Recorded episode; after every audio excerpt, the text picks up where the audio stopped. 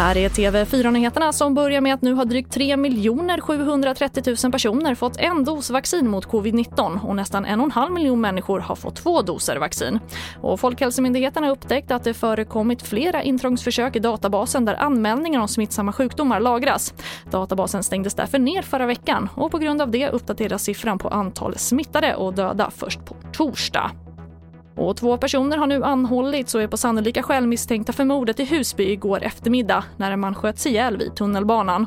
Och enligt uppgifter till SVT ska dödsskjutningen ha firats med fyrverkerier och trummor av personer i närliggande Sollentuna kommun. Och efter klagomål om allt för hög volym som stör barn och äldre har Saudiarabien beslutat att landets moskéer måste sänka ljudet på sina högtalare till en tredjedel av högtalarnas maxvolym och främst använder de för att kalla till bön, inte för att sända hela predikningar. Och ministern för muslimska frågor försvarar volymsänkningen med att de som vill be inte ska vänta på imamens utrop utan vara vid moskén i god tid.